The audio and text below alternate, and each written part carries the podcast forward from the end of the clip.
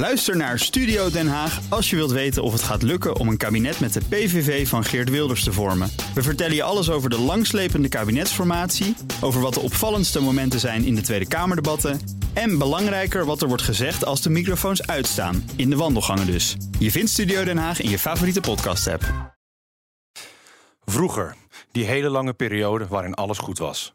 De winters waren koud, de zomers waren zonnig en op een fiets was het enige wat elektrisch was je voorlicht. Het jaar was opgedeeld in twee delen. De periode waarin alles gebeurde en komkommertijd. Dan gebeurde er niks.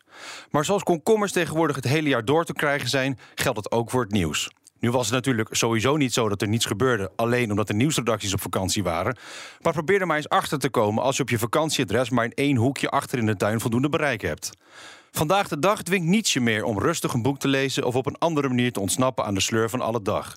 Vanaf je campingstoel, strandhanddoek of cruiselichtbed kun je vrolijk het nieuws blijven volgen en voorzien van hatelijk commentaar.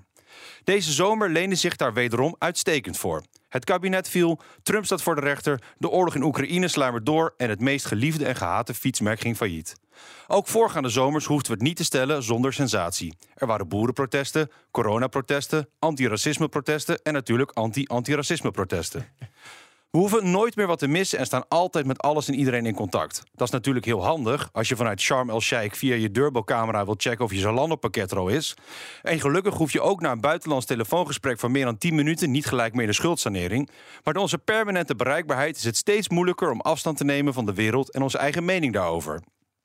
Er lijkt geen sprake meer van komkommertijd, maar van een omgekeerde komkommertijd. En wat krijg je als je een komkommer omdraait? Daar schiet er natuurlijk niet zoveel mee op.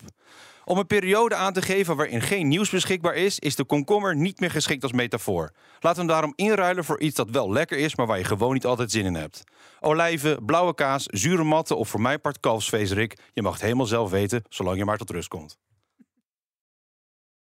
Ook Bas van Werven vind je in de BNR-app. Ja, je kunt live naar mij en Iwan luisteren tijdens de ochtendspits. Je krijgt een melding van Breaking News. En niet alleen onze podcast Ochtendnieuws, maar alle BNR-podcasts vind je in de app. Download nu de gratis BNR-app en blijf scherp.